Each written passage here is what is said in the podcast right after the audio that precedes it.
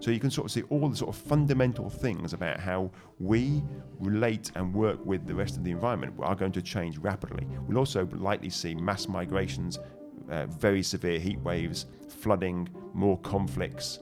And we're almost at every single level, the sort of structure of a modern, stabilized society are going to break down at 4 degrees centigrade. We have to avoid it at all costs. Antingen måste vi ändra våra vanor drastiskt, eller så kommer en framtida klimatkatastrof att göra det åt oss.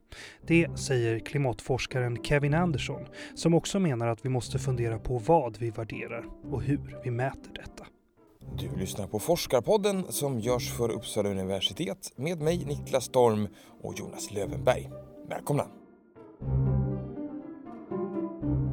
Kevin Anderson and I'm the Zennström Professor here at CEMUS, the Centre for Environment and Development at Uppsala University. Um, and I'm on a two-year fellowship here, prof- professorial fellowship, and I'm also a professor of energy and climate change at the University of Manchester um, in the UK. Okay, so Enzo, what do you research? What's your if you can describe that shortly. What yeah, is okay. Um, my research is on issues to do with climate change, and in particular, I come from an, an energy background and an engineering background.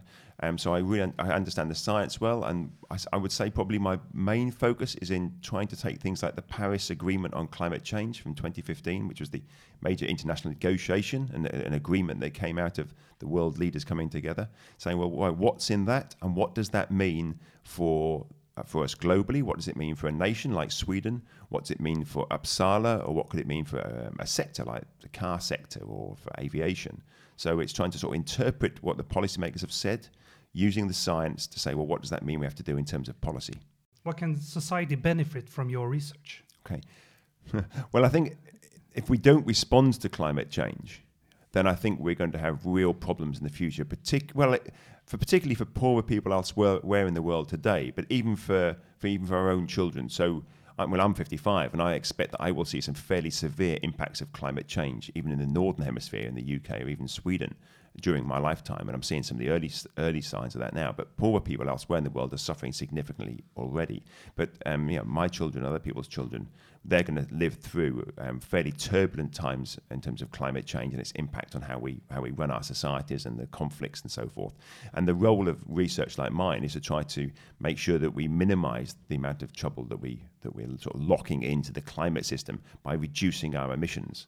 So I think academics here have an important role to play, but they obviously can't solve the problems. I mean, we're there to inform the policymakers and wider civil society about the sorts of actions we need to take. But in the absence of the information that, that I and lots of my other colleagues gather, I think we don't really know what it is we need to do and what the time frame is. Interesting. We'll come back to that. Um, but first, uh, Kevin, can you tell us where, where you're from? I was born, um, well, I, I ended up living most of my childhood in East Anglia, which is on the east coast of the UK. It's a very rural area, quite a lot of farming. Um, right next to that, I lived right next to the sea for most of my life, actually, or for a large part of my childhood. Um, my dad worked at the local nuclear power station, and my mom eventually became a teacher. Um, and I was brought up surrounded by countryside, but living in a small town. Um, but with also an appreciation of energy issues because my dad worked at a nuclear power station. We were always talking about energy issues of one sort or another, but never about climate change. But very early on, when I look back now, I would say even as early as sort of six, seven years old, I was quite interested in, the, in what I later knew were environmental issues. I never thought of it like that at the time. Um, and I was also quite interested in issues of energy and engineering. And those things really have stayed with me right through my life. Um, so that was my sort of background, which I think did colour how I saw the world. And also, I used to regularly go to the, and I still do, to the west coast of Scotland, to an island there where my, my dad's family are from. There were farmers there, or crofters, we call them, the shepherds looking after sheep. And I regularly go back there to see my old relatives. Um, and that again, because it's a very sort of, uh, I mean, it's very uh, natural place. That really has made me look at the world in quite a different way.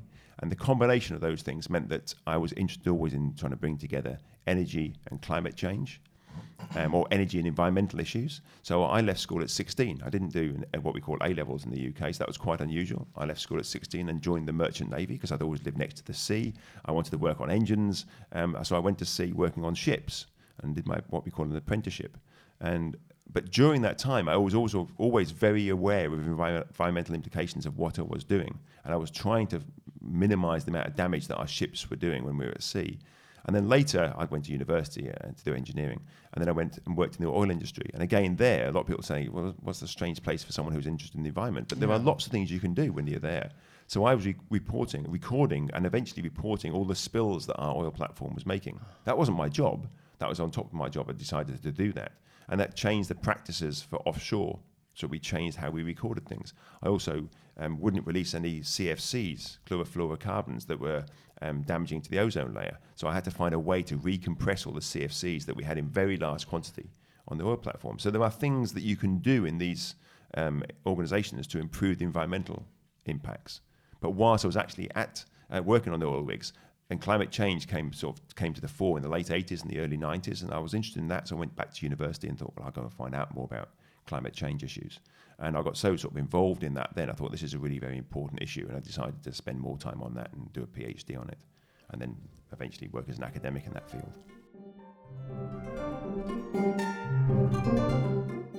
Um, my, a lot of my research starts off by seeing what there's been said, um, say by policymakers or by companies or whatever, it, whoever it may be, and trying to interpret that language um, in a way that says, well, we want to, to deliver something that I can then assess quantitatively, put some sort of numbers to it. So if you do, you if you like, you sort of take people's statements, like in, in the Paris Agreement, and they say these things without really thinking through the implications. I then try to think, well, what are the implications of that? How can I understand that quantitatively? And then from that, say, well, what, what is it we need to be doing? So either I'll take those, I'll take their analysis or their, their statements, convert that to numbers, and then look at, well, what does that mean in terms of the rates at which we need to reduce our emissions? If they're talking about agriculture or natural gas systems, I'll look at well, what's the impacts for methane emissions and how does how do methane emissions compare with carbon dioxide emissions?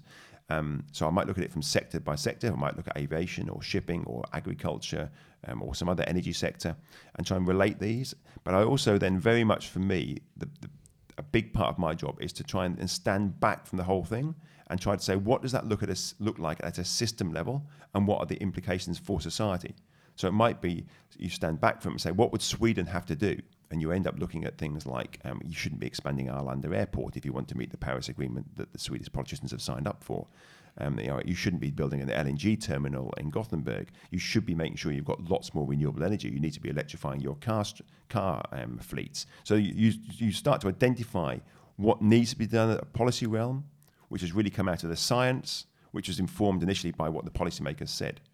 So it's trying to pull all of that together and then put a global context on that as well. So you don't just see, say, for instance, Sweden in isolation. You look at the role of Sweden within society. Then I have broader sort of sort of uh, philosophical and political interests. So then I might look at, for me here, for instance, saying, well, what could Sweden's role be within the EU or globally? You have just 10 million people, but it has a it has a very powerful progressive reputation, which means actually its um, its influence is much greater than its 10 million population would suggest. So I then make comments on those sorts of things. But that is really starting to move away from my particular area of expertise, but it's something I've been interested in for a long time. Yeah, um, you've been working on something called climate leadership. Well, what's that? I see that as really trying to understand what is the role of leadership in responding to climate change. But I think you could probably say what is the role of leadership in responding to big system level challenges. And um, the, the way I see, I think a lot of leaders, a lot of a lot of people who view leadership seem to interpret it as something that's top down, something that the prime minister does, or some some great world leader. Um, I, I don't see leadership like that at all. And I think the different professors of climate change leadership here will probably have different interpretations of what they mean by leadership. To me, leadership occurs at, at multiple levels. It can be a schoolgirl trying to persuade her parents to change, you know, to do something in a particular way.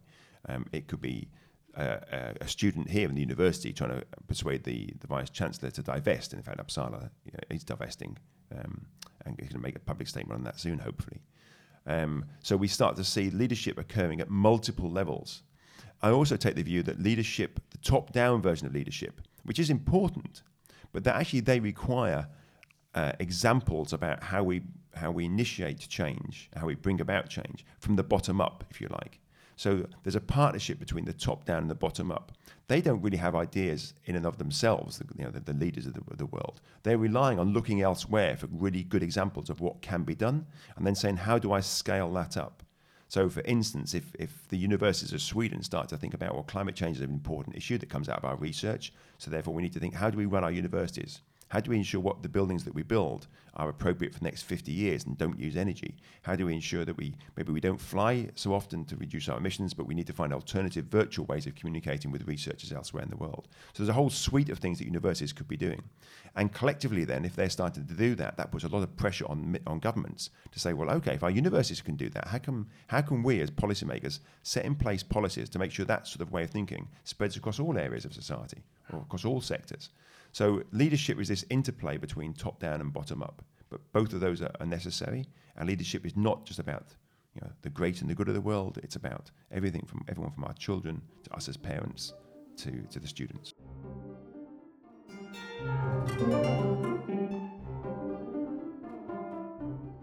Can we reconcile responding to climate change and even broader sustainability issues with our current economic growth paradigm? And i am increasingly the view no, we cannot.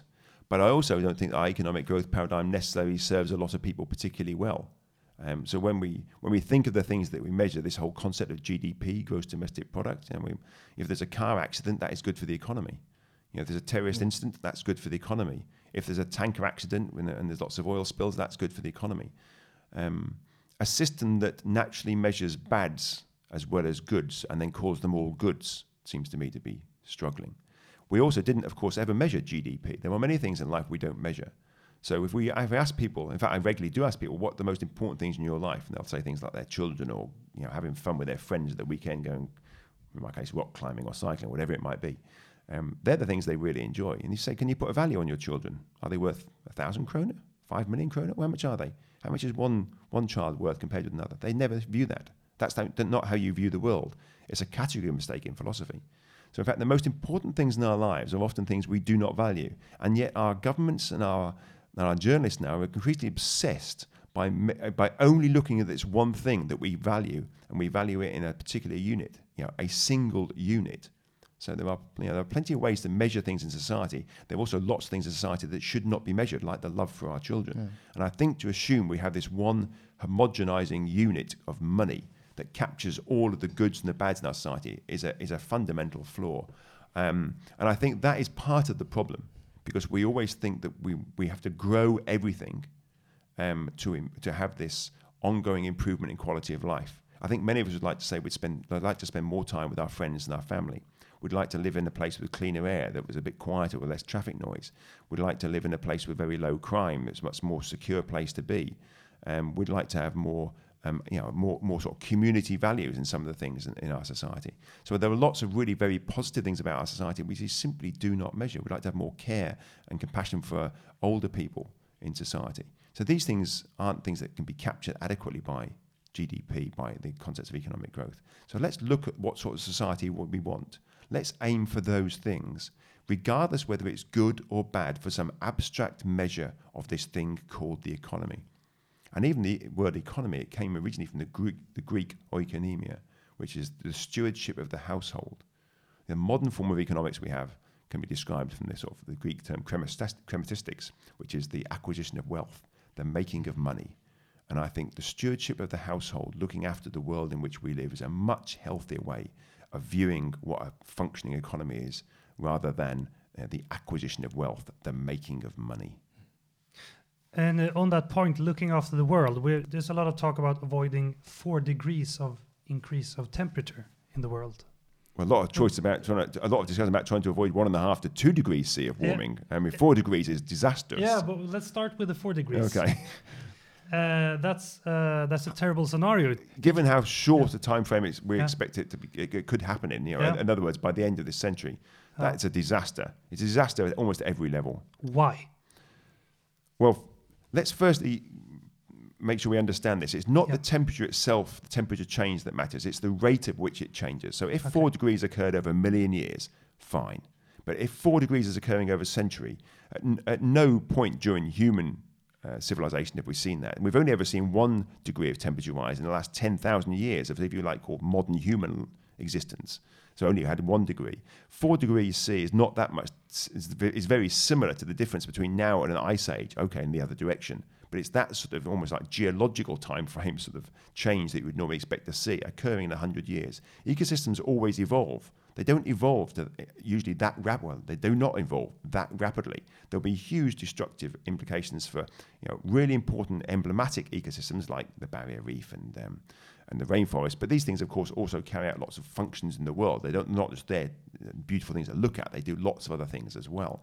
But then, you know, how do our how do our crops get pollinated? They're pollinated by insects. Well, they're going to that's going to dramatically change. So you can sort of see all the sort of fundamental things about how we relate and work with the rest of the environment are going to change rapidly. We'll also likely see mass migrations, uh, very severe heat waves, flooding, more conflicts and almost at every single level, the sort of structure of a modern stabilized society or moderately stable society are going to break down at four degrees centigrade. We have to avoid it at all costs. Um, and we also will be locking in changes that will not just occur during this century, we'll be locking in changes that occur for many, many centuries, if not thousands of years at four degrees. Four degrees C is a disaster, even in our, in our own lifetimes, if we keep increasing the, the temperature at that rate. And certainly in our own children's lifetimes, we're going to have to live through the chaos that we are choosing to hand over to them.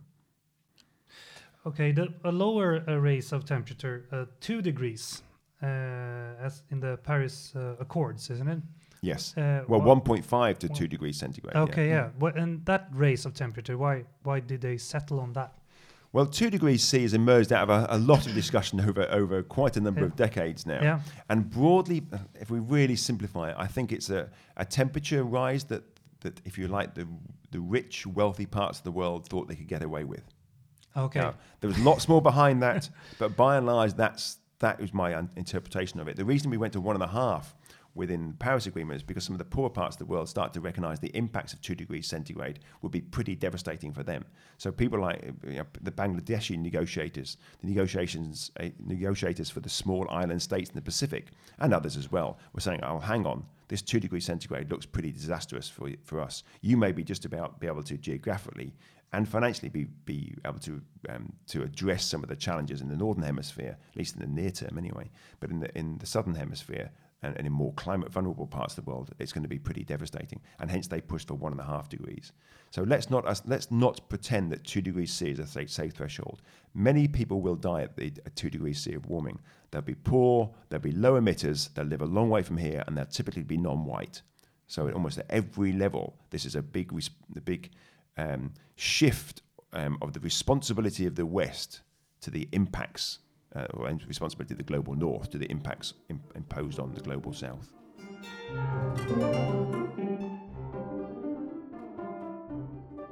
Uh, what needs what needs to be done to reach a goal of 1.5? Uh, I think I, uh, to be honest, I think 1.5 now is probably not achievable. Okay. Um, I think, and I say that with a really heavy heart. I yeah. really wish we had done something about that. But unless we're incredibly fortunate on the science and we do develop technologies that remove carbon dioxide directly from the atmosphere, which I think relying on those is incredibly dangerous, and our governments are already relying on those rather than reducing our emissions, then I think 1.5 looks looks very very unlikely. For two degrees centigrade, I think there are um, there are th- three main um, approaches we need to need to take, and governments are very reluctant to do the first two. The first one is we need to reduce the emissions almost almost overnight, starting now, dramatically. And that means those of us who are responsible for the lion's shares of emissions have to change our behaviours and our practices, our norms, and so forth. So we need to be making big reductions in our energy use. If we reduce use less energy, that means we emit less carbon dioxide. So that helps us move off the rising curve of global um, emissions. The next thing is we need to make sure that all of our appliances meet absolutely minimum um, efficiency standards that are set very, very high and are tightened year after year. So whether it's our laptops or our cars, whatever we buy, it has to be the most efficient that's available. And it shouldn't be a choice between an A, B, C, or D rated or an A plus plus fridge. It should literally be set by governments and, or in our case, in the EU, by set by the EU, and then tightened every single year. And we will hear the financial directors squeal in their companies but the engineers will simply get on and deliver as long as it's within the laws of physics. So we need to be doing that. So we have the behavioral and the practice side, the routines. We also then drive down um, energy use through more efficient appliances. Now, you often get a rebound effect there. People spend any money they save on something else like a jet ski or another holiday. So you need to have policies in place to stop the rebound effect, but we know roughly what to do for that. And then the third tranche of this is that we need to make sure we rapidly shift to low carbon and ideally zero carbon energy supply. And um, we know what those options are. That usually means um, something to do with electricity generation. So whether that's um, wind or solar or arguably nuclear, which is which is low carbon with but with lots of other challenges, obviously, um, or indeed some biomass use in Sweden because it has a lot of biomass. But you want to be very careful how you use that. We, but most of these things have to do with electricity generation, and most of the energy we consume is not electricity. Even in Sweden, 70% of the energy consumed in Sweden is not uh, not electricity.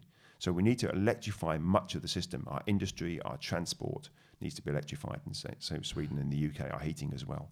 Um, so there's a very sort of clear roadmap of what we need to do. And what, what the problem is, the policymakers are not simply not prepared to make the very significant changes are necessary in the immediate to near term. We should have started this in 1990 when we had the first major set of reports on climate change from what's called the Intergovernmental Panel on Climate Change. 1990. 28 years ago. The emissions this year are 60% higher than they were in 1990 and are still rising. So, and, and even in somewhere like Sweden, once you, once you account for aviation and shipping and imports and exports, which the government conveniently ignores, once you include those, countries like Sweden and the UK, that the, some of the more progressive countries on climate change, have seen no reduction since 1990. So even we have done nothing in rich, wealthy parts of the world other than hide behind political rhetoric. What can I do as a citizen? I think you've got a number of things to do as a citizen. I mean, the first thing is yes, your emissions matter a little bit. But much more than that, if you reduce your own emissions and you, you talk about it openly um, with other people, that provides incentives for other people around you. You become an example for other people around you and they'll they'll look at your example and they may be moan and groan, but they may be think, well, I can do this, I can do that. Then there'll be an evolution of new ways of thinking about how to respond to these challenges. But then you can also talk to other people in your industry, to people in your sports club, people in your you know in your community, so you can try and drive that there. But you also then so you you become in a sense a catalyst for change yourself. Now that as a catalyst, that you can't see where that will play out. You, you don't know who else that you influence will bring about changes elsewhere. You, you can't see that in a complex system in which we live. But the other thing I think you need to do on top of your own individual action and making sure people know about it is to also engage directly with your policymakers. So whether it's your local policymakers or your national policymakers, make sure your voice is heard. So I think we have, uh, particularly in a democratic society, we have an obligation as citizens to engage directly with our policymakers. But it is much more helpful if I think we can do that from a point of view. We said, well, this is what I've done. This is what our society has done. This is, or my community. This is what my university has done. This is what my, my industry has done. And you, you can start to drive the change like that. But I think there is really, there is real need, desperate need for some bottom up leadership. And that bottom up leadership comes from our citizens. Future is not going to be like the past for two very significant reasons. Um, one is either we choose to do nothing as we're doing now and just hide behind rhetoric, which never solves any problems. Yeah. And that means we will be facing three or four and eventually more than that degrees centigrade of warming. That will be catastrophic and that will be a radical change to the world in which we live. Or we aim to hold for one and a half to two degrees centigrade, which means we have to have radically different ways of doing what we do today. And they have to occur very rapidly indeed. You know, we have to put those in place quickly now. So either way, the future is going to look ra- you know, radically different to the past. But there's some choice in that. One can be an organized shift to a, a very low carbon future with, with good prosperity and stability, and the other one will be to delay our action today and await the chaos that three or four degrees C of warming would bring about. But the future will be radically different one way or another. But one of them gives us more control than the other. It sounds really like a, a simple choice when you put it that way. I, I have to say, I, th- I think it is a simple choice. That's not to say the responses and the solutions are simple, no. but we know what they look like. We are just too terrified to start to make changes to, a syst- to the system that we have today.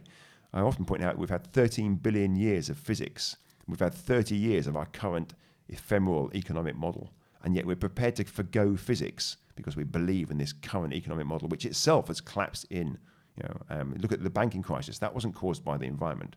That was caused because the model itself is, is inappropriate for addressing large system level issues, even of its own making. Okay, talking about budgets, can, can what's the carbon budget? The carbon budget is, well, let, us go back a bit from that a little Yeah. bit more. Um, what matters in terms of temperature rise is the total amount of carbon dioxide we put in the atmosphere. Yeah. So it's not good enough to say, well, we'll be able to solve the problem in 2030 or 2050. Actually, you know, any emissions we put in the atmosphere today will be there for hundreds, if not thousands of years, changing the climate. So, what we've worked out from the science fairly robustly now is how much carbon dioxide we can put in the atmosphere for two degrees centigrade of warming. So there's you know, there's little uncertainties that scientists always have, but broadly we have a good handle on on how much carbon dioxide we can put in the atmosphere. So that is our carbon budget. So if we want to hold to to two degrees centigrade of warming, we know how much carbon dioxide we can emit, and very roughly. Um, this won't mean much to your listeners, but I'll try and put it in perspective. Yeah. We can emit around about 800 billion tons of carbon dioxide forever, from now on to forever, if we want to stay at two degrees centigrade or, or below. Now, we emit every year at the moment about 40 billion tons of carbon dioxide. So, a little bit of maths 800 divided by 40 means in 20 years. 20 years of current emissions, that means we've blown all of the budget for 2 degrees centigrade. And remember, emissions at the moment are still rising. What's the next big step in your research? There are two things I want to look at. Um, the first is actually about trying to get scientists uh, to be more honest and direct with policymakers and wider society about the scale of the challenge we face. I repeatedly come across scientists who are underplaying the scale of the challenge, and away from a microphone, they'll admit that to me, but they will not say in front of a microphone. And I think that is that is being an activist, not a scientist.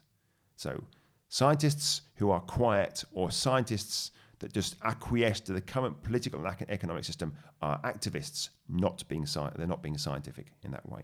So I want to open that dialogue up, and I want to make them feel safer and braver to come out and be honest to the public and the policymakers. That I see as an important role that I can, I can try and play and have been over the last year or two.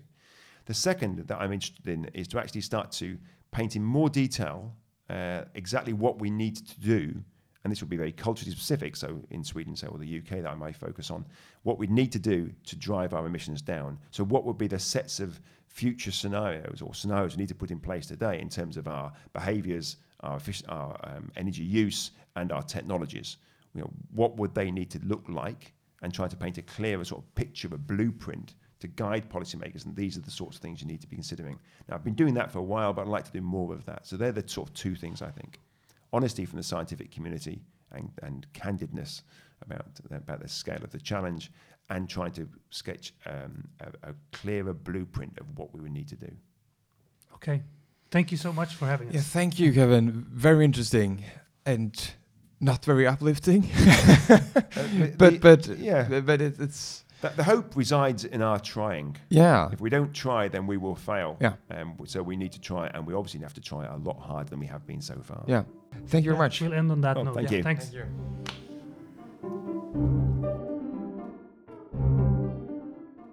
Du har hört Forskarpodden med och om Kevin Anderson. Vill du kommentera det du hört eller kanske komma i kontakt med mig eller Jonas? Men då hashtag Forskarpodden i sociala medier. Eller så kan du mejla oss på forskarpodden snabelagmail.com. Och I nästa avsnitt av Forskarpodden snackar vi magma och historiska katastrofer med vulkanforskaren Steffi Buchardt. Det har funnits sådana utbrott som har nästan liksom, s- eh, orsakat att, att hela eh, människosläkten i ett väldigt tidigt skede eh, Du dog dog, ut alltså? ja. aha. Nästan. Det var bara några tusen individer kvar. Oj. Det, kan vi, det, det har genetiker kom, kommit fram till. Du har hört Forskarpodden, en produktion av Piggelkott Media för Uppsala universitet med musik av Marcus Sjöblom.